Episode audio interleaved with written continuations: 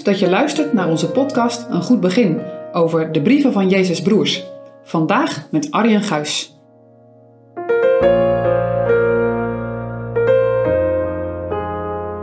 Deze week staan we stil bij het geloof waar Jacobus over schrijft in zijn brief.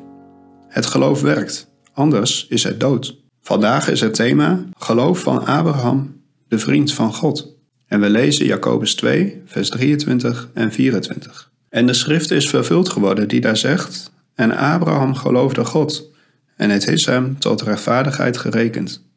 En hij is een vriend Gods genaamd geweest.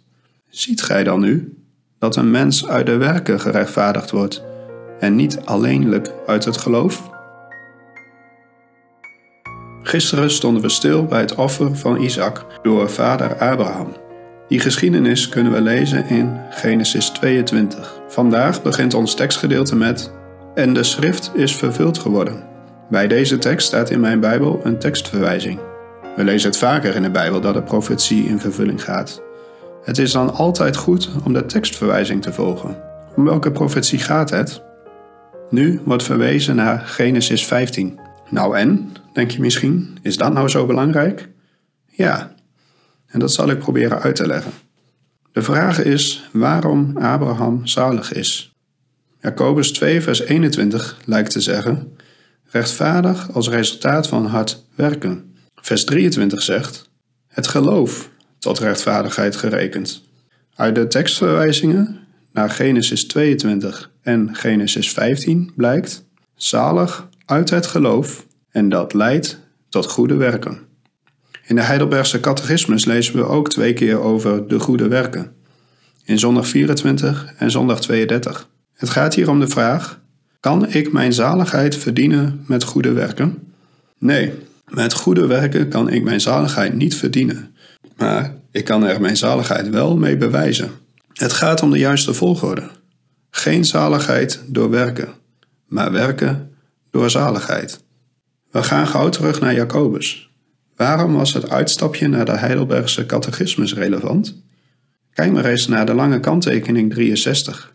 Jacobus lijkt het niet met Paulus eens te zijn. Paulus schrijft namelijk in Romeinen 4: Want indien Abraham uit de werken gerechtvaardigd is, zo heeft hij roem, maar niet bij God. Jacobus doet zijn best om de waarde van goede werken te promoten. Paulus doet zijn best om goede werken uit te sluiten van zaligheid.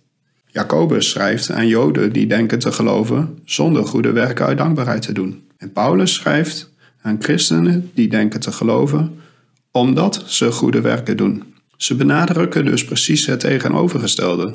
Of lijkt dat zo? De context is verschillend, maar de boodschap is dezelfde. Vader Abraham is dus een voorbeeld voor ons allemaal.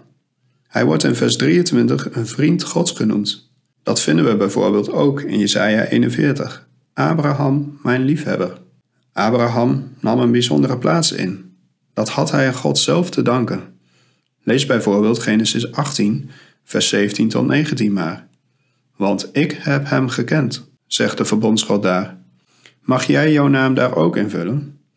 Het is een groot verschil of de Heere iemand vriend noemt of dat wij hem vriend noemen. Jacobus stelt een checkvraag. Ziet gij dan nu we hebben al heel wat met elkaar overdacht. Mag ik jou die vraag ook stellen? Zie je al hoe het is tussen God en jou? Zie je hoe belangrijk het is, hoe je leeft voor Gods aangezicht? Nee, je kan er je zaligheid niet mee verdienen. Wel is het zoals Paulus vraagt in Romeinen 6. Zullen wij dan in de zonde blijven, opdat de genade te meerder worden? Dat zij verre.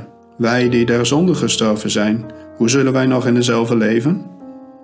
In het leven van alle dag laat je zien wat voor jou belangrijk is, waar je voor gaat. Wat laat jij zien?